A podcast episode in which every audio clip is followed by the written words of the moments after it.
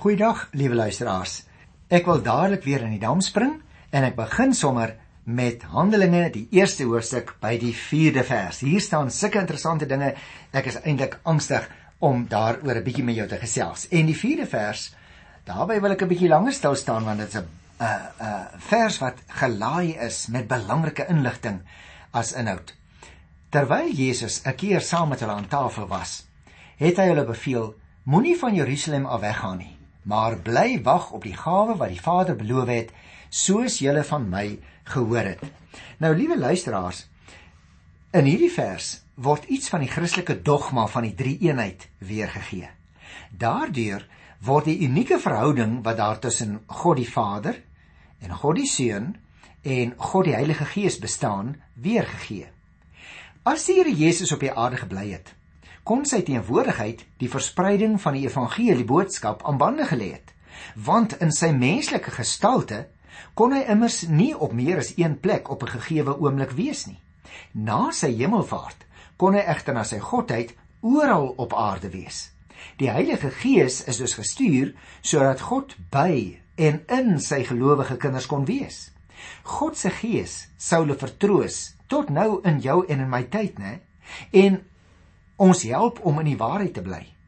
Hy, die Heilige Gees, herinner ons voortdurend aan die woorde van die Here Jesus. Hy rus ons toe om die Here Jesus se boodskap uit te leef. Hy vervul ons met krag. Dit is al gesê in Johannes hoofstuk 14 tot 16. Die Here Jesus het dus sy disippels opdrag gegee om vir alle mense van alle volke van hom te vertel. Maar lees ons in die 4de vers. Hulle moes eers wag totdat hulle die Heilige Gees ontvang het. Nou ek het al van tevore vir jou verduidelik, die Heilige Gees was van die eerste verse van Genesis 1 af aan die werk in die wêreld. Maar die Heilige Gees kom in sy volheid eers in die boek Handelinge aan die orde. God het ook vir jou belangrike werk, liewe luisteraar, maar jy en ek moet dit altyd in die krag van die Heilige Gees doen. Ons is dikwels tog so haastig om vir hom te werk, né? Ons is amper so Petrus wat instorm, ons hom daar in die evangelies so leer ken, dat ons God se plan partykeer vooruit wil loop. Maar partykeer is dit deel van die Here se plan dat jy net eers 'n bietjie moet wag, soos hier geleer word in vers 4. Ek wil jou vra, wag jy op die Here se opdragte of loop jy sommer die Here se plan vooruit en maak jy droog soos ek ook baie kere? ons kan eintlik net effektief vir die Here werk as ons by sy rooster hou en as ons in die krag van sy gees werk. En dit is wat vir ons geleer word hier in Handelinge by die eerste vers. Nou maar kyk na vers 5. Jo, elkeen van hierdie goed is so verskriklik belangrik. Vers 5 sê Johannes het wel met water gedoop, maar julle sal binne 'n paar dae met die Heilige Gees gedoop word. Jy sien om die saak te beklemtoon, nog verder te beklemtoon, verwys Jesus na die uitspraak van Johannes die Doper wat gesê het: "Ek doop julle met water, maar hy sal julle met die Heilige Gees en met vuur doop." Onthou nog Lukas 3 vers 16 en 17. Die Heilige Gees, liewe luisteraar, ek het nou na hom verwys, is met Pinkster tot die beskikking gestel van almal wat in die Here Jesus glo. Gaan kyk maar uh, in Handelinge 2 vers 4. Ons ontvang die Heilige Gees wanneer ons Jesus Christus in ons lewens ontvang. En ons kan slegs verstaan wat dit beteken as ons weet wat die werk van die Gees in in die lewe van die Christene is. Kom ek noem vir jou 'n paar aspekte daarvan. Nommer 1. Die Gees is aktief betrokke by die begin van die Christelike lewe. 'n Mens wat werklik aan Christus behoort, besit ook die Heilige Gees. Gaan kyk maar in Romeine 8 vers 9. Wie dus met Christus verenig is, is geestelik een met Christus. Dit staan in 1 Korinte 6 vers 17. Of almal wat hulle deur die gees van God laat lei, is kinders van God. Gaan kyk maar, dit staan in Romeine 8 vers 14 tot 17 of ook in Galasiërs 4 vers 6 en 7. Almal wat deel is van die liggaam van Christus, is met die gees gedoop en is van die een gees deurdrink. 1 Korinte 12 vers 13. Die tweede aspek wat ek wil beklemtoon is dit: Elke mens wat Christus in die geloof aanneem, staan onmiddellik in 'n persoonlike verhouding met God en met die Heilige Gees wat hom dan help om meer soos Christus te word. Kom ek sê dit andersom. Die Heilige Gees is die krag van die nuwe lewe wat ons in Christus ontvang het.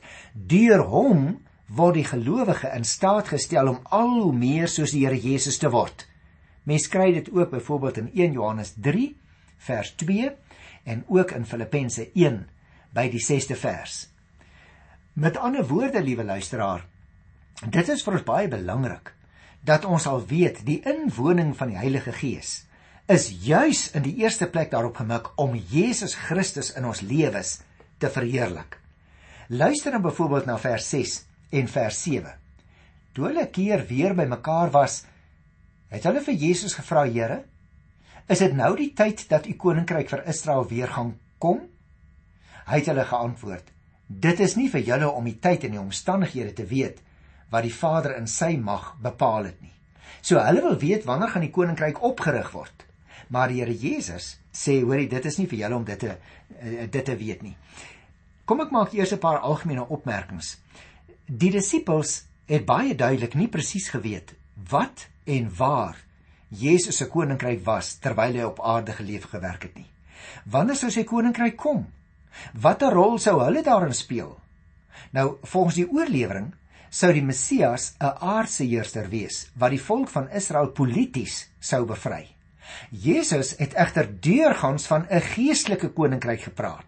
Een wat in die harte en in die lewens van Christus gelowiges tot stand gebring sou word. Iets van God se koninkryk is dus teenwoordig in elke gelowige en deur sy gees ervaar ons die heerskappy van die Here oor en in ons lewens. Jy sien liewe luisteraar, die disippels het ook maar net soos al die ander Jode van daardie tyd swaar gekry onder die Romeinse regering.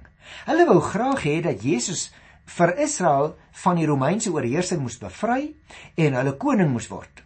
Ook nie al die Jode nie hoor. Maar Jesus se antwoord was dat God die Vader bepaal wanneer die dinge moet kom. Of dit nou wêreldgebeure is, of dit nasionale sake is, of dinge in jou en my persoonlike lewe. Moenie ongeduldig raak, luisteraar. As jy graag dinge in jou lewe wil verander nie, maar God jou nie onmiddellik help om dit te doen nie. Dit is nie God wat sy trooster moet aanpas nie, maar is jy en ek wat moet aanpas by die tyd rooster en by die styl en by die tempo waarteen die Heilige Gees in ons harte werk. En daarom is dit duidelik in vers 6 en 7, die apostels weet dat die Gees die gawe van die eindtyd is en daarom vra hulle nou of die eindtyd aangebreek het. Die feit dat hulle die einde sien as die oprigting van Israel se koninkryk, wys juis dat hulle nog nie besef het God se koninkryk is vir alle mense, vir alle nasies bedoel nie. Daarom in die 7de vers wys die Here Jesus die vraag af. Dit is die mense nie beskore om te weet wanneer die einde gaan kom nie. Dis nie vir jou of vir my, broer en suster, om die tyd en die omstandigheid te ken nie maar dit wil die verskillende stadia in God se patroon en sy program waar volgens hy die wêreld na die einde toe voer. Dit wil vir ons help om dit raak te sien en daarvolgens te wag en op te tree. Ek wil 'n bietjie langer stil staan by die 8ste vers waar ons het nou al baie na hom verwys en ek het vir jou gesê in 'n sekere sin is dit een van die kernverse in die boek Handelinge luister. Maar julle sal krag ontvang wanneer die Heilige Gees oor julle kom En julle sal my getuies wees in Jerusalem sowel as in die hele Judea en in Samaria en tot in die uithoeke van die wêreld. Nou liewe luisteraar, wat 'n wonderlike vers. In hierdie vers lees ons hoe die verspreiding van die evangelie in al wyeer wordende sirkels uitkring. Ek het al vir jou die beeld gebruik van 'n klip wat in 'n dam val, hè. Die evangelie moes naamlik van Jerusalem af na Judea en toe na Samaria en toe na die res van die wêreld toe uitgedra word, soos soos groot golwe wat uitkring op 'n dam nadat daar 'n klip ingegooi is. Dit sou begin by die toegewyde Jode in Jerusalem en daarna sou dit versprei na die mense van Samaria in die wyeer kring waar die eerste nie-Jode die evangelie sou aanvaar En uiteindelik sou dit verkondig word tot in die uithoeke van die aarde. Jy sien, God se evangelie het nog nie sy eindbestemming bereik solank daar mense is wat dit nog nie gehoor het nie. Sorg dat jy ook jou deel bydra, liewe luisteraar, tot die verspreiding van God se boodskap van liefde in jou gesin of jou vriendekring of by die skool of by die werk. Jy kan dit ook doen by wyse van radio-uitsendings. Wanneer jy byvoorbeeld radioprogramme soos hierdie ondersteun, want dit dra die evangelie tot in huise, tot in gevangenisse, tot op berge waar mense na die radio kan luister, slinger die radiogolwe die evangelie boodskap uit. En daarom is radio-uitsendings met die evangelie soos hierdie so verskriklik belangrik. Het jy al ooit daaroor gedink? Het jy al ooit daaroor gebid om dit te ondersteun ook in wyeer verband natuurlik ook in jou plaaslike gemeente? Maar die radio help ons as individue en gesamentlik om hierdie opdrag van die Here Jesus uit te voer. Jy sien die krag wat ons van die Heilige Gees ontvang, het nie net te doen met bonatuurlike en buitengewone gawes nie. Nee. Nee, dit beteken ook dat ons die moed, die vreesloosheid, die insig, die bekwaamheid en die vermoë sal hê om ons goddelike opdrag uit te voer. Die disippels sou al hierdie eienskappe nodig hê om hulle taak te verrig. En daarom die Here Jesus het die apostels beloof hier in Handelinge 1:8 dat hulle toegerus sou word om te getuig nadat hulle die Heilige Gees ontvang het. En jy moet baie mooi oplet na die verloop van die gebeure hier. Nommer 1, hulle het eers die Heilige Gees ontvang. 2, daarna het hy hulle krag gegee. 3, eers toe kon hulle so getuig dat die gevolge vir almal verstom het. Almal wat daarna geluister het. Jy sien, Ons draai te dikwels die proses om. En dan probeer jy en ek soms in ons eie krag getuig. Om te getuig luisteraar beteken nie dat ons moet bewys dat ons dit vir God kan doen nie. Nee. Nee, dit beteken dat ons sal sê en wys wat hy vir ons kan doen. En daarom is dit so belangrik as ons lees hier van vers 9 af en ek gaan nou sommer vers 9 en 10 en 11 saam lees. Daar sien ons duidelik die verband van die gebeure by die hemelvaart. Vers 9. Nadat Jesus dit gesê het, is hy opgeneem terwyl hulle dit sien en 'n wolk het hom weggeneem sodat hulle hom nie langer kon sien nie. Terwyl hy weggaan en nog stip na die hemel kyk, daar skielik twee mans in wit klere by hulle gestaan en die sê vir hulle Galileërs: "Waarom staan julle so na die hemel en kyk? Hierdie Jesus wat van julle af na die hemel toe opgeneem is, sal net so terugkom soos julle hom na die hemel toe sien opgaan het. Ons het hier dus 'n kort aansluiting by die hemelvaart. En daarom is hierdie weergawe daarvan in vers 9 tot by vers 11 vir ons baie belangrik. Hoekom? Dit was belangrik, liewe broer en suster, dat die disippels moes sien hoe Jesus na die hemel toe opvaar. Dit sou hulle bo alle twyfel laat verstaan dat hy God is en dat sy eintlike tuiste elders is. Daarom het hulle hom gesien, hulle het gekyk word meer as een keer herhaal in hierdie 9de vers. Die wolk wat die Here Jesus wegneem, dui nou aan dat hy nou in goddelike glans en mag opgeneem word. In die Ou Testament sê jy nog onthou, is 'n wolk byvoorbeeld telkens die teken van God se teenwoordigheid. Gaan kyk weer daar in Eksodus 40 vers 34 wat ons gelees het, nê. Die wolk wys ook byvoorbeeld vooruit na die wederkoms wanneer die Here Jesus op 'n wolk sal terugkeer. Dit word vir ons beskryf in Lukas 21 vers 27. Jy sal ook onthou, die Here Jesus het 40 dae na sy opstanding nog by die, sy disippels gebly en toe eers het hy na die hemel toe opgevaar. Twee engele het vir die disippels gesê dat hy na die aarde toe sal terugkeer net soos hy na die hemel toe gegaan het en dat almal hom sal sien as hy kom. Die geskiedenis, liewe luisteraar, is nie maar net 'n klomp losstaande feite nie. Nee. Nee, dit is 'n duidelike beweging na 'n bepaalde tydstip. Daardie oomblik wanneer die Here Jesus na die aarde toe sal terugkeer om alle mense te oordeel en oor die aarde te heers. Ons moet gereed wees vir sy wederkoms. En ons moet ons voorberei sodat ons nie op daardie dag na die wolke se staan en kyk en nie sal weet wat gebeur nie. Ons moet saamwerk ook, liewe luisteraar, selfs al vind sy wederkoms nie in ons lewe plaas nie, om die paaltjie van die evangelie aan te gee, so ver en so wyd as wat ons dit moontlik kan doen. Want die Here gaan weer kom. En daarom het die apostels iets om te doen. Hulle moet van Jesus getuig. Die hemelvaart is nie afskeid nie luisteraars, maar die hemelvaart is juis die hou juis die belofte in dat Jesus weer net so sal kom. En daarom wil ek graag nou hier dadelik my haas na vers 12. Want hier kry ons nou 'n opvolger vir Judas. Sy naam was Matthias. Maar kom ek lees eers net vers 12 en 13. Daarna het hulle na Jerusalem toe teruggegaan van die berg af. Dit is die Olyfberg vlak by die stad, 'n Sabbatsreis ver. In die stad aangekom, is hulle na die bovertrek toe waar hulle gewoonlik vertoef het. Dit was Petrus en Johannes, Jakobus en Andreas, Filippus en Thomas, Bartolomeus en Matteus, Jakobus, seun van Alfeus, Simon die Zeloot en Judas, die seun van Jakobus. Jy moet nou oplet wat ons hier lees want dit is baie interessant. Na die Here Jesus se hemelvaart het die apostels dadelik na Jerusalem toe teruggegaan en saam gebid. Jesus het hulle gesê dat die Heilige Gees binne enkele dae sou kom. Daarom het hulle bidtend daarop gewag. Miskien is jy voor 'n probleem. Miskien, liewe luisteraar, het jy 'n baie moeilike taak. Miskien het jy 'n baie belangrike besluit om te neem of verwarrende situasie waarin jy is.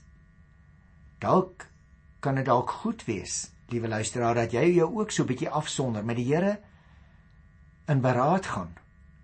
Dat jy regtig onder leiding van die Heilige Gees sal bid. Moenie die werk oorhaastig aanpak en hoop dat alles sommer maar net self sal uitwerk nie. Bepaal hoe God jou deur sy woord en deur sy gees lei. Dit val my so op. Die eerste daad van die kerk, as ek dit so mag sê, né, want hulle was deel van die kerk. Die eerste daad van die kerk na die aardse Jesus van hulle weggeneem is, was om sy bevel te gehoorsaam, naamlik dat hulle in Jerusalem moet wag op die Heilige Gees, soos wat hy hulle opdrag gegee het daar in vers 4, onthou jy? Die wyse waarop die mens op God moet wag, is deur eensgesinde volhardende gebed. En dit is wat ons hier leer. Ons leer naamlik hier dat die hemelvaart op die Olyfberg plaasgevind het. En tussen hakies dit bots nie met Lukas 24 vers 50 waar uh, daar staan dat dit in Betanië plaasgevind het. Nie want onthou, Betanië is 'n baie ou klein dorpie en dit lê aan die oostelike helling van die Olyfberg. Hierdie berg lê maar so ongeveer 900 meter van Jerusalem af. En daarom lees ons in vers 12, dit is 'n Sabbatsreis. Wat is 'n Sabbatsreis? Dit is die afstand wat 'n gelowige Jood volgens die rabbynse wetgewing op die rusdag mag aflê. 'n Sabbatsreis is dus die kortste afstand van waar iemand woon na die tempel toe. En nou ja, die 13de vers leer hier vir ons dat in Jerusalem het hulle na hulle gewone bymekaar kom plek gegaan, 'n bovertrek. Dit is 'n kamer destyds gewees op die dak van 'n huis, 'n private plek en daar het hulle hulle afgesonder, heel waarskynlik in verslaanheid, maar hulle was almal daar bymekaar. En dan lees ons nou by vers 14 en daarby wil ek ook 'n bietjie stil staan. Hulle het almal eensgesind volhard in die gebed saam met 'n aantal vroue, onder wie ook, luister nou mooi, Maria, die moeder van Jesus. En dan staan daar sy broers was ook by. Nou dis 'n baie interessante versie, liewe luisteraar want hierdie 14de vers sê vir ons wat het hulle gedoen. Hulle het eensgesind volhard in die gebed. Daar was tweedens 'n paar vroue by. Derdens Maria, die moeder van die Here Jesus, was ook by en dan baie interessant. Sy broers was ook by. Nou ek het al vir jou gesê, liewe luisteraar, dat uh, mense soms dink die Here Jesus was die enigste kind van Josef Maria, maar dit is natuurlik nie so nie. Hulle het ook nog ander kinders gehad. Gaan kyk uh byvoorbeeld in Markus, die 6ste hoofstuk by die 3de vers. Daar kry jy die vermelding van al hulle seuns. Daar was Here Jesus en dan was daar Josef wat sy pa se naam gehad, gehad het, net so 'n bietjie 'n wisselvorm en daar was Josef en dan was daar ook nog Jakobus en Here Jesus self. Met ander woorde, hulle het ten minste 5 seuns gehad en ook nog dogters. Ons weet nie hoeveel nie, maar Markus 6 vers 3 vertel na hulle susters. En dit is tussen hakies, liewe luisteraars, die eerste keer dat ons lees dat die broers van die Here Jesus saam was in 'n biduur. Dit wil lyk asof hulle hom nie herken het vir wie hy was toe hy eh, op sy aardse lewe was nie, maar nadat hulle die hemelvaart beleef het, ook voor dit die opstanding beleef het, het hulle besef Jesus is iemand besonders. En dan kry ons nou hierdie hele situasie want onthou nou Judas het die Here Jesus verloon en ons lees in die 18de vers met die geld wat Judas vir sy misdaad gekry het, het hy 'n stuk grond gekoop. Daar het hy vooroorgeval en oopgebars en al sy ingewande het uitgepeel. Dit is bekend onder die inwoners van Jerusalem. Daarom word die plek in hulle taal Akeldama genoem. Dit beteken bloedgrond. Ons het dus hier 'n beskrywing van wat hulle daar gedoen het, hoe dat hulle met mekaar gesels het en hoe dat vir ons vertel word van die grond wat gekoop is met daardie silwermuntstukke wat Judas gekry het toe hy die Here Jesus verraai het. In vers 20 staan daar 'n interessante opmerking. Naamlik In die boek van die Psalms staan daar: Laat sy woonplek leeg word. Laat niemand daarin woon nie en laat 'n ander sy amp oorneem. Interessant dat Lukas net soos Matteus meer dikwels gedoen het, die Ou Testament aanhaal. En hier kry ons nou die eerste aanhaling uit die boek Psalms wat volgens Lukas vervul word omdat die stuk grond van Judas eensaam en onbewoon was. Nou Lukas verwys hier na Psalm 69 vers 26. Die tweede aanhaling wat ons hier kry, moet nou die gehoorsaamheid van die gemeente vervul as hulle 'n plaasvervanger vir Judas kies. Jy kan maar gerus maar gaan kyk in Psalm 109 by die 8ste vers. Kom ek lees nou verder hier van vers 21 af. Daar moet dus nog 'n getuie van Jesus se opstanding by ons gevoeg word. Dit moet een van die manne wees wat saam met ons rondgegaan het die hele tyd toe die Here Jesus in openbaar opgetree het, vandat hy deur Johannes gedoop is totdat hy van ons af in die hemel opgeneem was. Hulle soek dus iemand wat 'n ooggetuie saam met hulle was van die opstandings en die hemelvaart gebeure. Daar word 'n uh, liewe luisteraar in die evangelies en Handelinge onderskei tussen disippels en apostel. Jy sal weet disipel beteken volgeling of student of leerling terwyl apostel meer pertinent dui op iemand wat met gesag iemand anders gaan verteenwoordig wat iemand anders se gestuurde is. En dit is wat die woord apostel beteken iemand wat gestuur is. En dit is veral natuurlik die 12 apostels wat daarmee aangedui word omdat hulle die taak gehad het om die boodskap van Jesus Christus met gesag aan ander te gaan oordra. En daarom was dit nou belangrik dat dit mense moes wees in hierdie geval een persoon wat saam met Jesus was tydens sy bediening en wat ooggetuies was wat kan vertel om te sê maar ek het dit gesien Nou is daar natuurlik baie mense wat die Here Jesus getrou gevolg het toe hy op aarde was en uh, sy bediening volvoer het.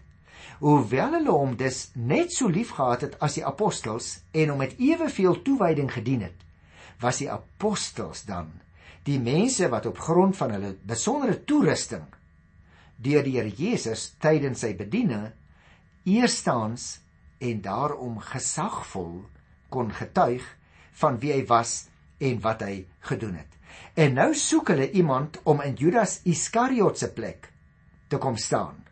En hulle die keuse aan die hand van sekere vereistes gemaak.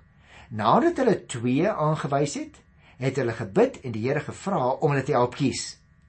En luisteraars, dit is dus nagies 'n baie goeie voorbeeld van hoe ons te werk moet gaan as ons voor belangrike besluite te staan kom. Gebruik maatstawwe wat in ooreenstemming met die Bybel is kyk na die moontlikhede en bid dan om leiding en insig sodat jy die regte besluit kan neem. En daarom staan hier baie interessant, hulle het geloot vers 26 en die loting het vir Matthias aangewys. So is hy gekies as die 12de apostel. Hulle het geloot. Nou ja, op wie, watter wyse presies hulle geloot het, dit weet ons nie. Al wat ons hier het, is die enigste berig wat ons het oor die werping van die lot in die eerste gemeente. Nou liewe luisteraar, ek hoop jy bid vir ons program en ek hoop jy luister volgende keer weer. Ek hoop ook jy nooi ander mense om saam met ons te luister want ons het nog net begin met die avontuur van die boek Handelinge. Die reis, ja, die reis lê eintlik nog vir ons voor. Ek hoop jy sien verder saam met my daarna uit. Tot volgende keer. Groet ek jou in die wonderlike wonderlike naam van die opgestane Here, Jesus Christus. Tot volgende keer. Totsiens.